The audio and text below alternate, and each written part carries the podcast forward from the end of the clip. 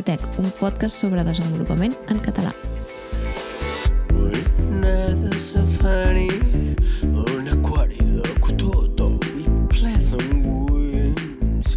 Construir-te un castell... Benvinguts i benvingudes a un programa més d'Espatec. Avui és un programa que ens fa molta il·lusió.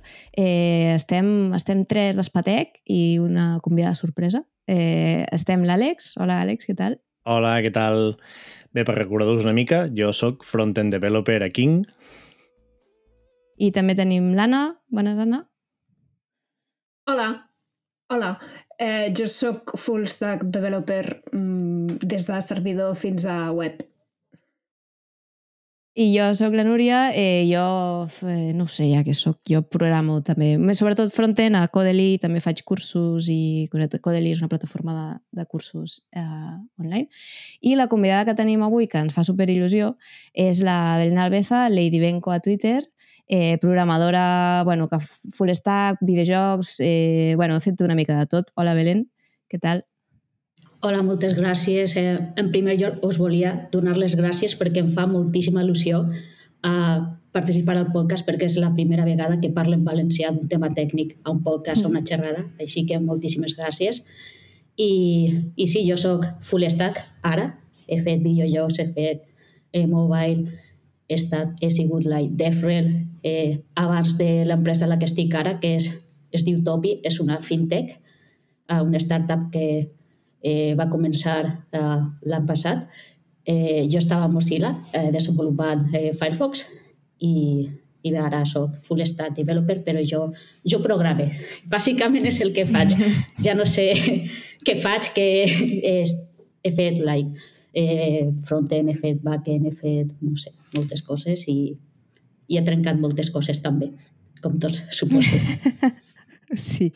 Eh, doncs moltes gràcies, Belén. El plan d'avui és, eh, bueno, la Belén, si no la coneixeu, té un blog post, o sigui, té un blog que té posts molt interessants, també ha fet xerrades, eh, i ens han agradat molt tant un post com una xerrada que, que va fer eh, i comentarem una mica uns quants temes d'aquests, però que, bueno, al final són temes que recurrents eh, en el mundillo.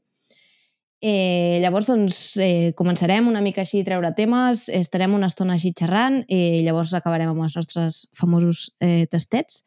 Uh, I vinga, comencem. A mi eh, em va agradar el, el, molt el, el post, que el vaig rellegir. És un post de Lessons Learned as a Developer. Uh, i, I ressaltes, doncs, així, molts punts, no?, de, mm. que, que has après i que comparteixes perquè tots aprenem, no? Eh, a mi em agradar molt tot el post, eh, així que comencem per treure un. Un que m'agrada molt és el de You don't need a CSS framework, no necessites un CSS, o sigui, un framework de CSS. Sí. Eh, Gràcies. A mi també m'agrada molt aquest punt. Sí, té, té cola, no? Perquè jo, de fet, eh, vaig escriure al... Com es diu aquest bloc? El, eh, Mozilla Hacks o MDN Hacks o eh, el blog de, de, de, de developers de, de Mozilla. Eh, vaig escriure un post que crec que es titulava així eh, fa temps. Jo, fa, jo vaig fer una xerrada que es titulava així, eh, en anglès, no? Eh, you don't need a CSS framework. Jo tenia un còmic que, que era així, eh, una tira còmica, i és que és veritat, perquè eh, ja és com el default, no? Eh, comences un projecte i la gent el posa bootstrap. Jo, jo, jo tenia al cap bootstrap, no?, quan vaig pensar això, i és terrible, perquè, eh, primerament perquè és bootstrap, no?, eh, i de segon perquè la gent s'oblida dels fonaments. I, I hi ha molta gent que sap fer servir bootstrap però no sap si, eh, CSS, i és un problema perquè passa que mm, necessites fer una cosa o resoldre un problema amb Bootstrap i no saps el que estàs fent i de, de sobte tens important, important, important i no saps el que estàs fent, no saps resoldre les coses i ja és un problema i no pot ser que comences un projecte i que la teua primera opció siga posar un munt de coses que potser no les necessites. I jo el que faig és tractar de posar les coses segons són necessàries. I això va per Bootstrap, bueno, jo no faig servir Bootstrap eh, mai, no? però eh, imagina, eh, SAS, o post CSS o, o el que siga, no? Eh, que al final estem desenvolupat web eh, i tu puges un arxiu HTML a un servidor i funciona, eh? O sigui, no, no passa res. Sí, sí. És, bueno, això ara fa... Aquesta setmana vaig llegir un article de la, de la Rachel Mm. Andrew eh, que també parlava... Ella parlava més aviat del, de l'entry point a nivell de desenvolupament web i al final acabava, vull dir, una mica la, la idea era la mateixa, no? que potser fa uns anys era molt fàcil que algú pogués entrar perquè entrar era poder tocar HTML i CSS i potser JavaScript si volies entrar en aquesta part, però no calia que, que haguessis de fer tota aquesta eh, aquesta feina de més d'aprendre com funciona aquesta eina o aprendre com, com fer, com, com pujar un, un, una web eh, quan, el que tu deies, no? Realment penjar el- penjar l'arxiu ja és haver pujat la web, ja funciona. Tantes eines, tants, tants deploys, tantes... Òbviament, eh, hi haurà empreses o hi haurà projectes que ho necessitin, però realment per poder entrar en Sí. desenvolupament no fa falta tanta feina. I sí, perquè continua funcionant. És que HTML, Sí, sí. l'estàndard segueix funcionant així. Així que no, no cal. Sí, és que la gent és això, no? Prefereix aprendre un bootstrap o un material o el que sigui, que és algo que acaba passant de moda, no? Eh, bueno, ara el bootstrap està ja cap a caiguda, no? Però ara surten pues, altres mogudes de material i tal. Abans que anar a buscar i aprendre el fonament, eh, això, no sé, és una mica com... A mi em fa, em fa molta gràcia i ràbia eh, la... perquè molta gent ho diu, no, és que no val la pena no, posar-me a, a, a maquetar jo quan hi ha algú que ja m'ho fa per mi. I és com, vale, mm, tu dius això amb el CSS, però llavors jo et puc dir el mateix amb, amb el backend, no? Perquè dir, pues jo amb, amb un WordPress i ja està, no? no... Ai, Llavors, no, és que posen com això molt de, nerviosos, però- Això de ja, ja hi ha cosa... Eh, els duendes de, no? de, de la maquetació, no, no hi ha duendes de la maquetació. És com, i ara està Tailwind, no? que és el que fa servir la gent moltíssim, no? per aquestes, eh, però és el mateix. Que jo no estic en contra de que la gent utilitzi eh, Tailwind o el que siga. El que el missatge ha de ser que has d'entendre el que passa per davall d'això i, el que, i si el vols utilitzar quan, quan el necessites realment, no que siga màgia i que no entengues que el que està passant per davall. Sí, sí, perquè si no és això, cada dos per tres has d'estar aprenent. Mm. Que si ara el Bootstrap, que si era el Tailwind, és que t'acabes perjudicant Sí. a tu mateix, no? Mm. Eh, això també va una mica en la línia de dos altres punts que em molen. Eh, un era el, el no començar un nou projecte que tingui un, una pipeline molt llarga, Sí. que ja tindràs temps no? d'afegir Galp i saps... Bueno, aquí es nota que, que el, el post té uns anys, no? Sí, perquè sí. potser Galp ja no, no seria, però sí que comences a pujar. I, i jo, jo, soc, jo també, eh, jo també ho faig. Eh, ja per defecte, doncs, com començo a muntar tot el meu linter, tot, el, Mm. tot allò, d'entrada, i al final mm, sí, no? Potser no cal. Sí, és que de, sí, el post té crec que 4 anys o 5 anys, potser. Era, és prepandèmia, això segur. Eh, però sí, de vegades passa que utilitzes el típic generador, no? com Create React App, i per default el posa, el posa un muntó de, de coses, no? I a mi m'agrada anar posant les coses que a, aquests generadors tenen una opció d'instal·lar les coses a posteriori, que potser la gent no, no ho sap, no? però tu pots utilitzar Create React App, eh, fer una instal·lació mínima i a posteriori anar i comprar les coses que vas necessitant. I no passa res, eh, és igualment de, de, de fàcil, eh? I anar i comparar-ho, què, què, què utilitats de test necessite, a quines llibreries, eh, necessite Babel o, o, no, eh, necessite TypeScript, què plugins necessite per, eh, no sé, de Rollup o, o el que siga, no? I anar i comparant totes aquestes coses de poc a poc, eh, segons les vas necessitant, i això és el que m'agrada a, a mi de fer. Potser hi ha gent que pensa diferent, eh, perquè si no, eh, tots farien el mateix i no estaríem parlant d'això, no? Però ah, això és el que m'agrada a mi i el que, i el que fa és reduir la barrera d'entrada a un projecte perquè no tots els projectes necessiten les mateixes coses i no tots els projectes són igual de grans i jo el que vull és, sobretot pels que són side projects per, per mi, reduir la barrera d'entrada. So, així que és el que jo, el que jo faig. Sí, a més també suposo que t'ajuda més a entendre què fa cada cosa, Mhm. perquè molts cops pues, comences a afegir que és això, no? si el Babel, que si no sé què, el post CSS, eh, mil plugins, i no saps ni, ni què fan Sí. ni el per què, no? Eh, si els afegeixes quan els necessites ets més conscient de... Sí, de què fa de què cada fan. cosa i de configurar i entendre la configuració de les coses que fan i tot això.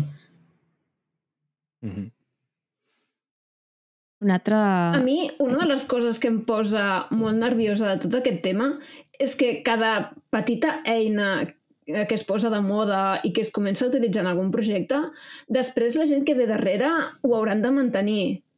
I, i, i d'aquí mm, X anys, eh, eh, quan una persona es trobi amb aquesta eina o amb aquestes 4 o 5 o les que siguin i, i comenci a buscar documentació, comenci a trobar bugs, coses desactualitzades amb forats de seguretat...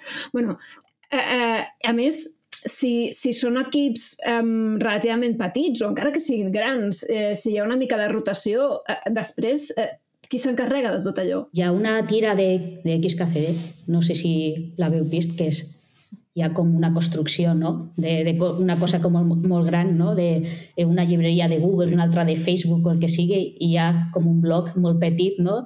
I, i aquesta llibreria mantinguda per un tio en Connecticut o on sigui, no? Doncs és això.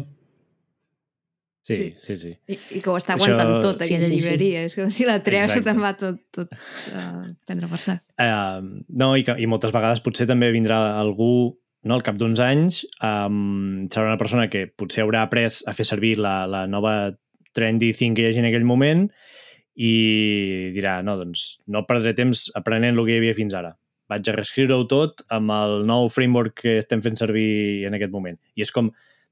en aquell moment semblarà com una solució, però també torna a ser un problema igual de, de, de la mateixa, del mateix tipus per qui pugui venir després, o inclús per aquella persona, si depenent de, de com ho, ha ho hagi de gestionar més endavant. Eh, un altre... Uh, Digues. recordo que uh, tot el, el problema que va haver amb, amb aquest... Ara no recordo... que- Sé que algú va introduir un bug en una llibreria de... No sé si va ser aquesta mateixa llibreria de PHP o era de, del Node Package Manager, que va... va com es diu? Sí, home, sí, que, que va, va Hi ha, hi ha hagut uns Tot quants... Hi ha hagut uns quants de Sí. un buc a una llibreria, una persona que, que va, eh, com es diu, despublicar una llibreria que havia publicada, eh, moltes coses, moltes històries molt divertides de tot això, sí, sí. Sí, de fet, un, un d'aquests temes el vam tractar. Ara estava buscant aviam quin episodi per poder-ho per poder fer la referència, però la veritat és que no. Sí, sí, era Però sí, aquell del sí, sí, Faker que... Que, es va cansar Exacte. de l'open source, o sigui, de... li venia com molt hate o alguna així, i va dir... L'explotació d'empreses, no? Uh, res, el trec, i el va, no el va treure, el va canviar el codi per algo que, que putejava una mica, no? Perquè llavors com trigava molt a fer la Sí, build, o no que sé era què, el- el- el- cosa. I el de Colors o una cosa així Sí, també. tam, també Sí. es va cansar i va posar com Sí. un missatge o va, va com sabotejar la seva pròpia li- llibreria, una cosa així. Sí, Sí, per... sí, sí. Això en vam parlar a l'episodi 7. Per si voleu recuperar-ho, allà ho Correcte. teniu. Ah, perquè tu, Belén, també tens experiència amb això, també has treballat en open source, no? Eh, sí, bueno, a Firefox és open source i, clar, és diferent perquè jo estava en una empresa i, clar, jo tenia la meva nòmina i jo no depenia d'aquestes de, de, d'aquestes coses, no? Però sí que recibien hate. I el que Mm. mm. passa és que, clar, tu treballes per una empresa i arriba algú i escriu un missatge al, no, a Baxila o, o a la llista de correu o on sigui, no? I, i escriu una borrada i no, li, no es deixaven com respondre'ls el que jo volia respondre a aquesta persona, no? per raons òbvies, no? i doncs costava molt no? de... Però mira el que m'ha dit. No li digues res. I, ja el Ja. banegem o el que siga, no? però clar, és, és difícil, eh, perquè la gent també és que és molt... Mm. es pensa que com és open source que no barra libre, no? per dir el que, el que vulguin i no pensen que darrere hi ha persones i Sí, sí, que és això, eh? I, Encara, i que és la teva feina. encara que estiguin... Però és que encara que estiguin cobrant o no estiguin cobrant, o sigui, és igual, has de vull dir, un mínim de, de Ja, ja, ja, ja, per la eh, gent, no? però és com, jo què sé hi ha, hi ha de tot és com no sé, com qualsevol treball no? i hi ha gent que va a una tenda i tracta mal a, no? a la persona que ha treballant allà doncs és eh, el mateix no? hi, ha, hi ha gent que no sap estar en societat què, què hi farem? Sí. Eh, una, altra, una altra cosa no, relacionada amb la gent i, i no saber, que, va- que vas treure en l'article, em va fer molta gràcia, és el tema de, de les Holy Wars, eh, les guerres aquestes entre Tabs versus Spaces, que si Sí. Mi i Max, tot això. A mi és que em fa molta mandra, és que no, Sí. no val la pena. Ja és... Ja, no... És com... I anar, a, anava a dir que és com el futbol, però no el futbol a, a mi a mi m'agrada veure el futbol, però no m'agrada les Holy Wars, així que no, no és com el Barça. Eh, no, és que saps el que passa? Que eh, tu pensa, eh, no, què, què posa en el projecte? Tabs o eh, Spaces? És, què més da? Eh, és com... Eh, quina és la conversió d'aquesta tecnologia o el llenguatge? O el llenguatge? Tabs, doncs posem tabs. Eh, que són espais, doncs espais. Eh, quants tabs? Eh, o quants espais? Quatre, doncs quatre. Que són dos, doncs dos. Quina és, no sé, le, la, la llargada de la línia? 80, doncs 80. És que també em fa. És que no, Sí. no és problema eh, el que siga.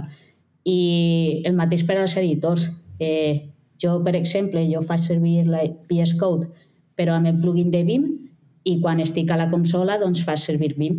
I m'arriba algú, no, no, però Emacs és millor.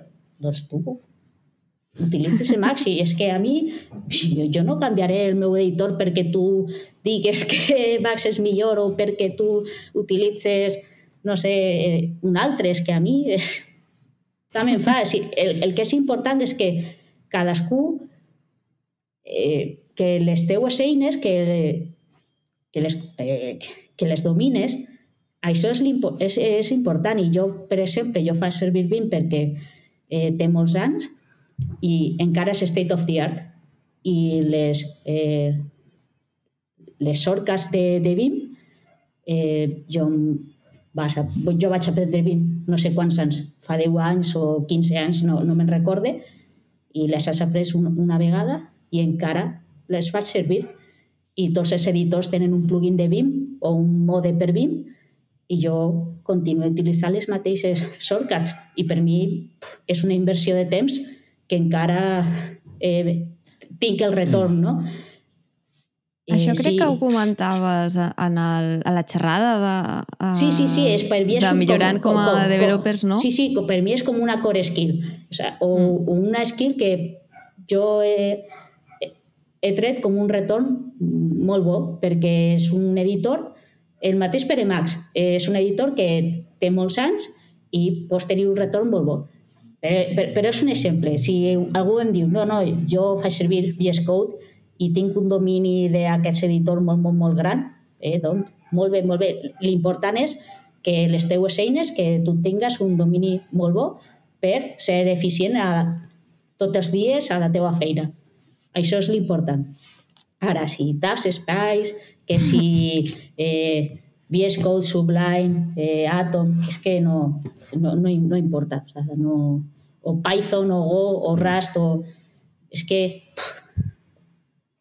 Jo, jo est- estava molt contenta amb Prettier, vale? perquè és un, un, Mm. o sigui, un formater open, Sí. sí. opinionat, eh, per, precisament per això, no? perquè és com, vale, doncs vaig a fer servir el que ha decidit aquesta gent i jo m'oblido. I, vaig, Sí. I a la feina vaig dir, va, posem Prettier i així ens estalviem les discussions. Madre mia. No, o sigui, va ser, no, perquè no m'agrada, la, la, és massa curt la línia, posem-la més llarg. No sé què, hòstia, això no es pot configurar amb el Prettier. No, és que clar, la gràcia és no poder-ho configurar, perquè així Claro. t'estalvies aquestes discussions. A, a, Però no, eh? a Mozilla va, van posar el Prettier precisament per això, per no tenir-ne eh, més discussió de, de, així i una persona va dir, bueno, una persona, eh, un senyor va dir, "Eh, aquesta és la configuració de Prettier per JavaScript i no hi ha més discussió. Ja està, fi. I si no t'agrada, pues, mala sort, ja que hi ha. Ja està. Fin del debat. I era meravellós. I a mi Sí, no m'agradava algunes decisions de Prettier, però és que ja està. Ja no tens que pensar no tens que pensar i simplement eh, ja no hi ha aquestes discussions, no hi ha el, comentaris a les pull requests, no hi ha aquests debats de configurem el linter així o... No, no, no, no, no. ja està. Ja per, per mi això és suficient. Sí, jo, jo em quedo molt amb, el, amb això, no? aquesta idea de, al final tu has de fer servir les eines les eines i la manera com les fas servir que tu et, et vagin bé per ser la millor versió de, de lo que tu puguis fer, no? Al final, el, el, la idea de bon developer o de, de, persona, de la millor persona que desenvolupa no és la mateixa per tothom. Cadascú Mm. tindrà les seves maneres, cadascú tindrà el, seva, el, el seu estil. A mi em passa una mica, a part de Vim, que també el vaig aprendre a fer servir al principi de començar a treballar i encara ara per coses tipus per entrar en un fitxer d'un servidor o temes així el faig servir. A mi em passa molt amb Git. Jo faig servir Git amb la consola i m'ha vingut a vegades gent dient home, però on vas amb això? Si això és, és, és rudimentari, has de fer servir algun, no, alguna UI de Git, de Git, alguna cosa que t'ajudi a veure. I dic, no, si és que jo ja ho veig així. Jo, em faig, jo tinc el meu GitLog mm, customitzat, amb el qual ja veig una mica l'historial i ja sé on tinc les branques, ja sé com he de fer els merge, ja sé tot. En aquest sentit, és la millor manera en què, que jo ho, ho veig. Però entenc que potser algú que potser ha començat més tard o potser ja ha començat en un, en un món amb totes aquestes eines visuals i, i que ja ho ha tingut més a, a, l'abast, eh, pot ser que sí, li, li sigui més fàcil fer-ho així i d'aquesta manera aquesta persona serà la millor versió de si mateixa eh, desenvolupant. Doncs endavant, que cadascú faci el que vulgui. Sí, sí, totalment. És, és que amb això ha... És això, no? Hi ha, hi ha com les dues vertents. La, la de la persona que diu no, no, és que si no ho fas amb command line ets un... no, no en saps, no? Eh, Ets, ets un mindundi, no, no ets programador de veritat si no fas servir les coses només amb, amb línia de comandes. I hi ha l'altra de què fas amb línia de comandes, que, que ets quan tens una UI i Sí. tal. Eh, la, la qüestió és, és això, no? És com la, la penya acaba agafant com com una identitat molt forta, no? És com, no ho sé, és com, relaxa't, és un problema- editor. Mm. El problema, i jo per això recomano a la gent que, que, es- que aprenga la, eh, una shell, encara que siga a nivell bàsic, és que de vegades hi ha eines que només estan disponibles a línia de comandes.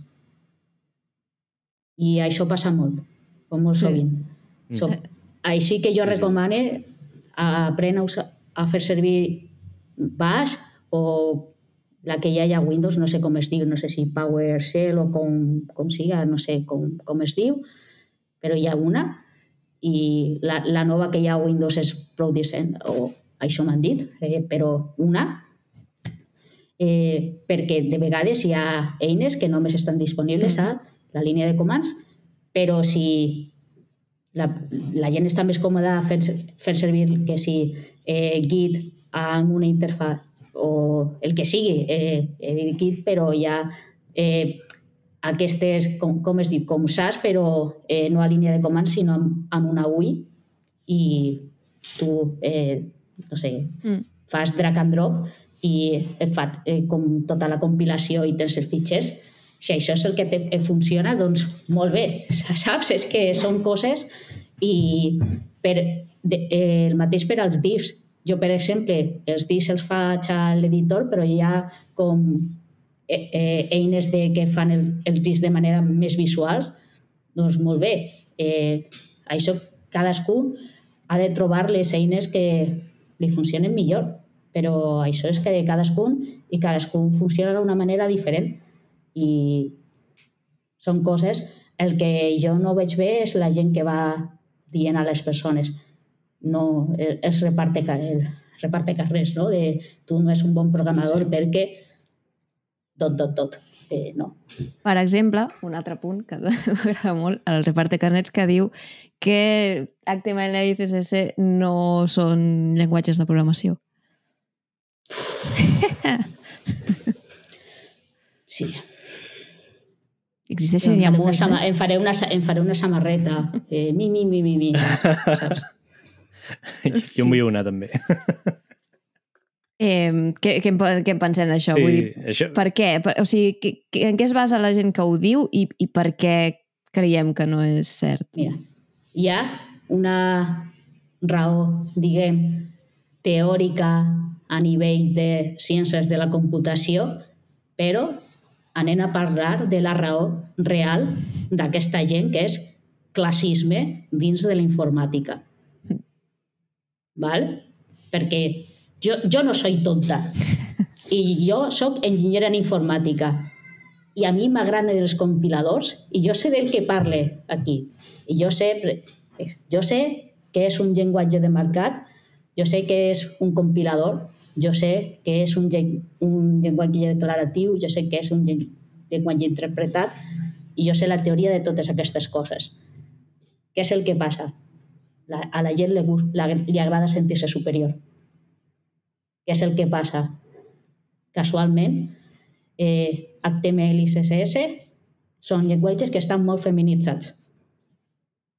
Aquí jo no estic dient una cosa molt reveladora, ho sabem tots. Sí, no, és, així, és així i és com la porta d'entrada al desenvolupament de molta gent. Hi ha molts bootcamps que comencen amb HTML i CSS i molts tallers dirigits a noies, a dones eh, o inclús a gent en general, però són com bootcamps d'iniciació al desenvolupament i com que la web és una cosa que és molt, molt més visual, és com una entrada a la programació com més agradable perquè no estàs en una pantalla negra, sinó que estàs eh, veient coses. Què és el que passa? Hi ha gent que no li agrada, o sigui, que, que el que fan és com el, el concepte de gatekeeping, que és que no li agrada que certes persones entren al seu mundillo, diguem, Mm. i el que fan és dir-te, tu no ets programador. Què és el que passa? S'ha demostrat a nivell teòric que el conjunt de HTML i CSS d'aquests dos llenguatges és eh, el que es diu eh, Turing complet. Què és un llenguatge Turing complet?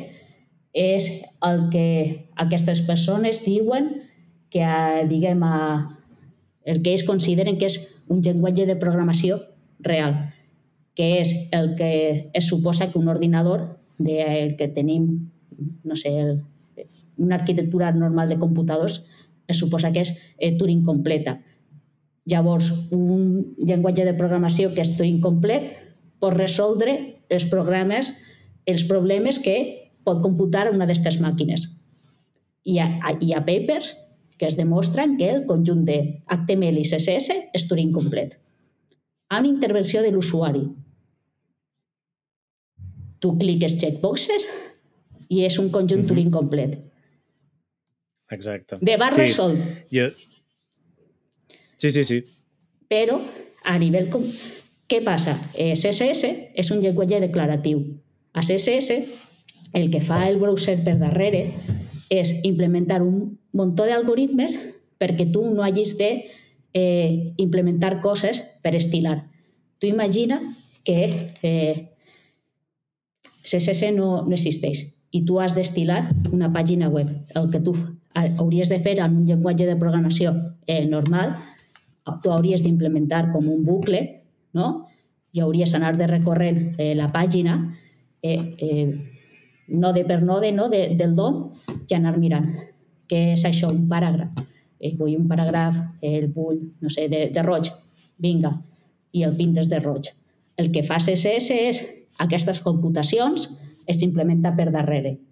Hi ha altres llen- llenguatges declaratius com Prolog que fan aquestes coses per resoldre altres tipus de problemes i ningú està dient a la gent que programa en Prolog que no són programadors de veritat. Saps? Per, Al perquè, contrari, perquè el que segurament- fan és utilitzar aquest llenguatge per fer coses de eh, resolució de problemes lògics, programar regles d'intel·ligència artificial. Són gent respectable, no? Exacte. I aquesta gent Sí, ningú sí. els diu no, no, vosaltres no sou programadors.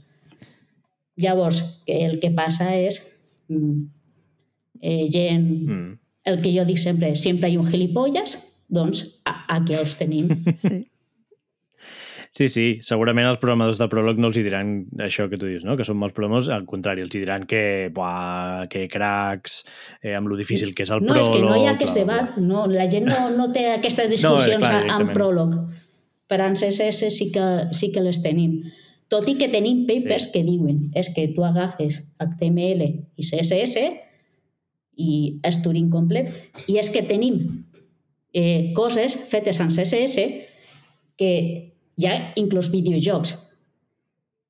Són coses molt complicades. I és que agafes el CSS modern, que tu agafes SAS, tu agafes eh, pues CSS, que ten coses com a bucles, ifs, funcions i de més, i, i són llenguatges que són Turing complets. És que no té sentit el que estan fent aquesta gent. No té sentit. És classisme, o com vulgueu dir-lo, elitisme, o gilipollisme. O sea, no sé si Això segur. no sé si es pot dir tal cosa en aquest podcast, Sí, sento sí, molt, sí. però- I tant, i tant. També, també és una mica la mateixa raó per la que sortim, bueno, o crec jo que en el seu moment vam sortir amb tants fums de les carreres, que evidentment universitat, classisme, etc. Ah, però jo no recordo a la universitat que ens ensenyessin una línia d'HTML o de CSS. Vull dir, a, a, el codi, tot això estava allà, però en cap moment eh, eh, hi, hi feien com referència directa Mm. o te'n parlaven i, i jo crec que l'ambient aquest de fer broma eh, d'aquests d'aquests llenguatges ja hi era i, i una mica eh, això Mm. acaba traspassant a, a la gent que acaba treballant en aquests Jo llocs. tenia una optativa i el que va, va passar una cosa molt graciosa, que és que a la bibliografia de l'optativa hi era un llibre que jo vaig escriure eh, fa molt de temps i era, què és això? Però, però no fa, fa molt, molt, molt, molts anys. Però sí, era optativa, no era una assignatura obligatòria. Així que Sí, no, no, jo l'única vegada potser que vaig arribar a veure alguna cosa web va ser, crec que en una assignatura de bases de dades, perquè al final volien que ho representessis en una pàgina, però al final tu, tu, tu plantejaven més com una manera de mostrar les dades que tinguis Sí. a la base de dades és en PHP, que no pas això és HTML. O sigui, al final era com, bueno, i tot això que hi ha al voltant del codi, ah, això és, és, també és important, no? També s'ha de tenir en compte. Vull dir, com, com ho monto, com interacciono Sí. amb això, com ho estilo, no? Al final, quan comences a veure tot el tema aquest. I no, no, allà simplement el que importava és que, bueno, sobretot perquè era base de dades, però no li donaven gaire importància tampoc. Sí, t'ensenyaven a programar el servidor i tu tenies que averiguar vulguis, d'alguna manera puguis. com pintar això no, a, a la pantalla. Sí. Eh, I això acaba Sí, sí, sí. derivant... Donant un exemple... Acaba i... derivant a, a, a que els sous, en, en el que és eh, maquetació, la gent que fa més HTML CSS són considerablement més baixos. Que, vull dir, no és algo que estiguem aquí queixant-nos de... Sí.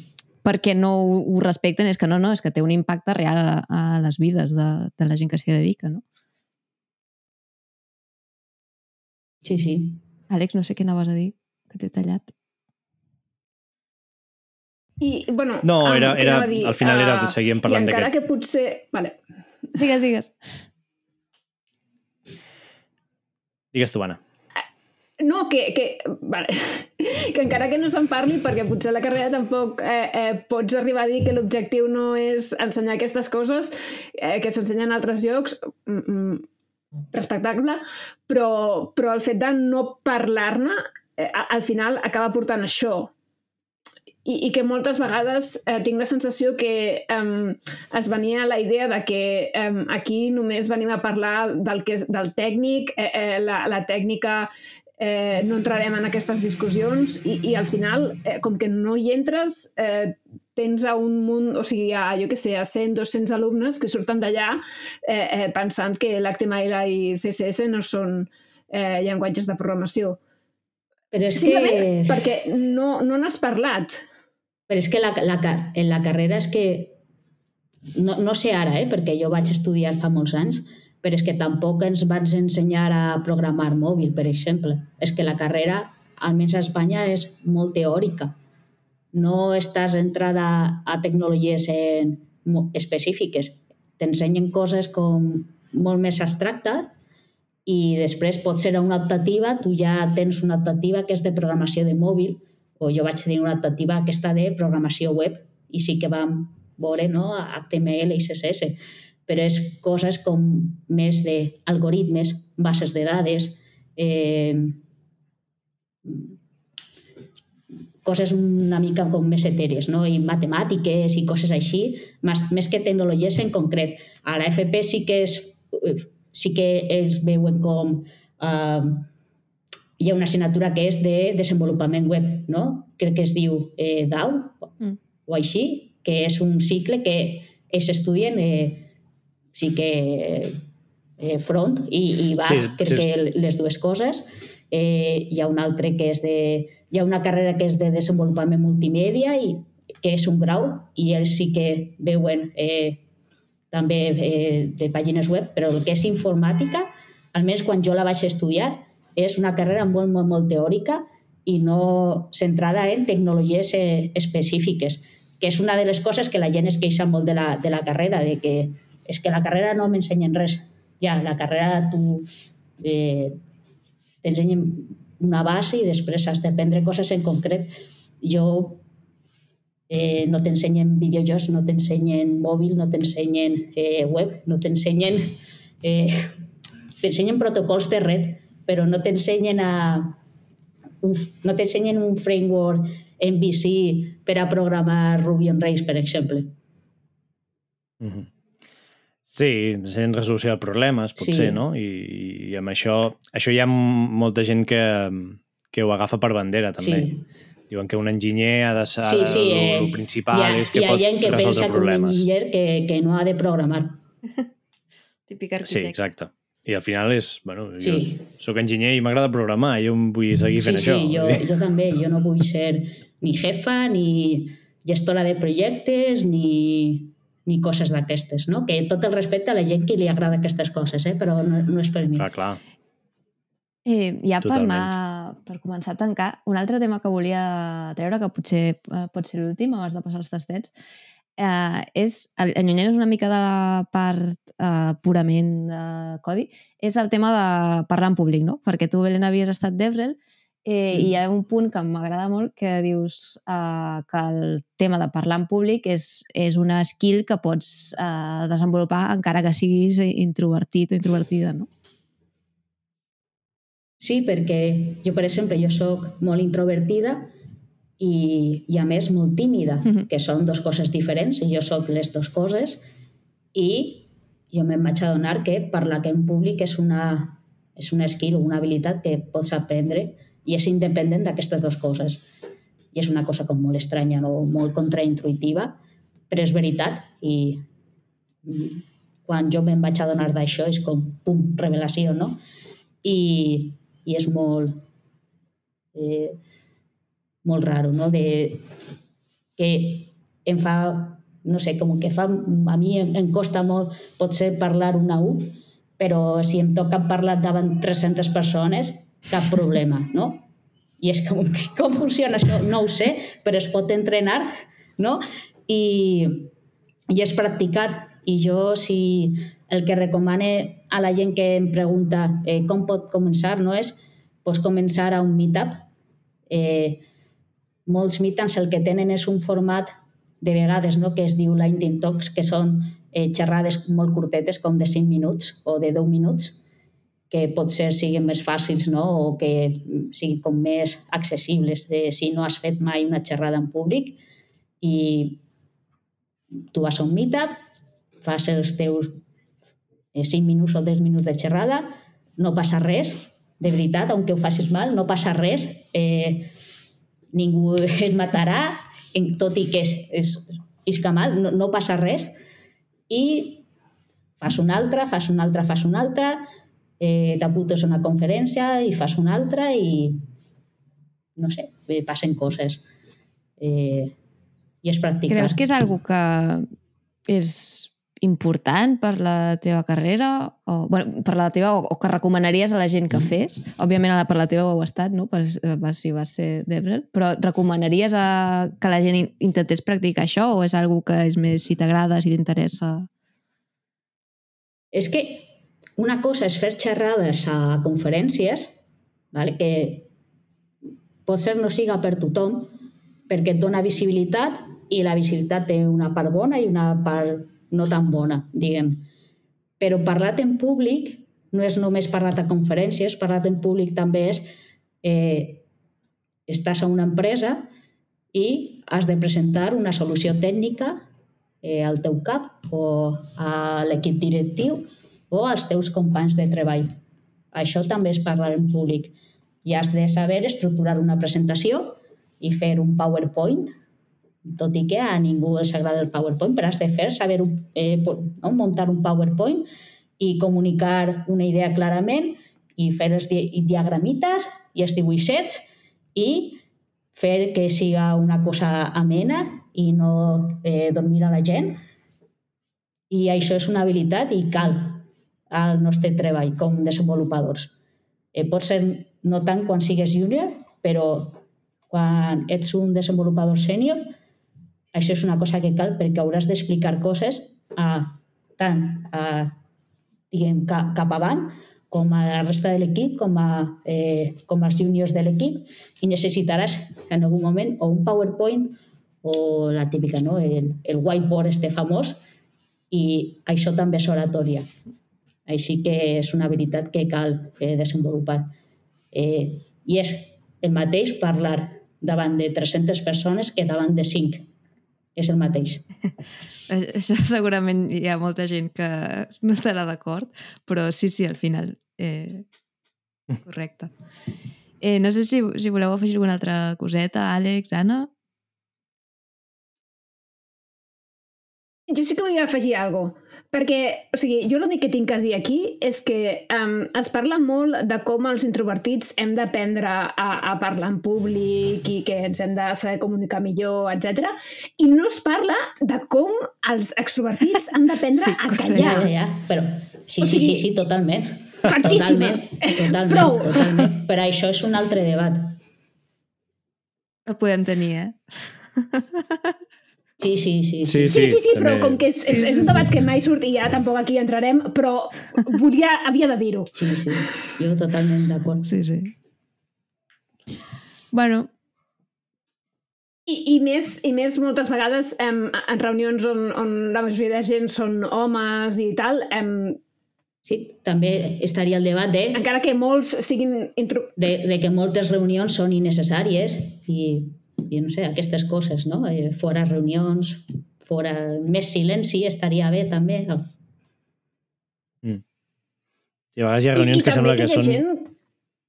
són perquè vol, Digues, algú digues. vol parlar, algú vol explicar la seva, no? Sí, algú vol parlar i no vol escriure un email. Sí, és d'aquestes coses que passen. Exacte. Ah, ah, no, no, i a més, si vols parlar, doncs agafes algú per banda i li expliques el que li hagis d'explicar, però potser no et cal muntar, muntar una reunió. A, a part que eh, també a vegades per, per mail eh, està bé perquè pots, eh, per la gent que tenim com diferents velocitats i diferents ritmes mm, per eh, processar les coses i per decidir-les i tal, tinc la sensació de que quan has d'escriure el correu ho pots fer com amb, amb més tranquil·litat i havent, havent pensat més o havent-ho digerit millor, no ho sé. Potser és la meva sensació. Sí, sí. total. Eh, bueno, doncs ja ens estem quedant sense temps. Són, són temes que podríem dedicar un podcast per cada un. Eh, eh, com sempre, si, si voleu que parlem d'algun tema, doncs uh, ens ho podeu dir. Si voleu que dediquem un podcast a les reunions, ho podem fer.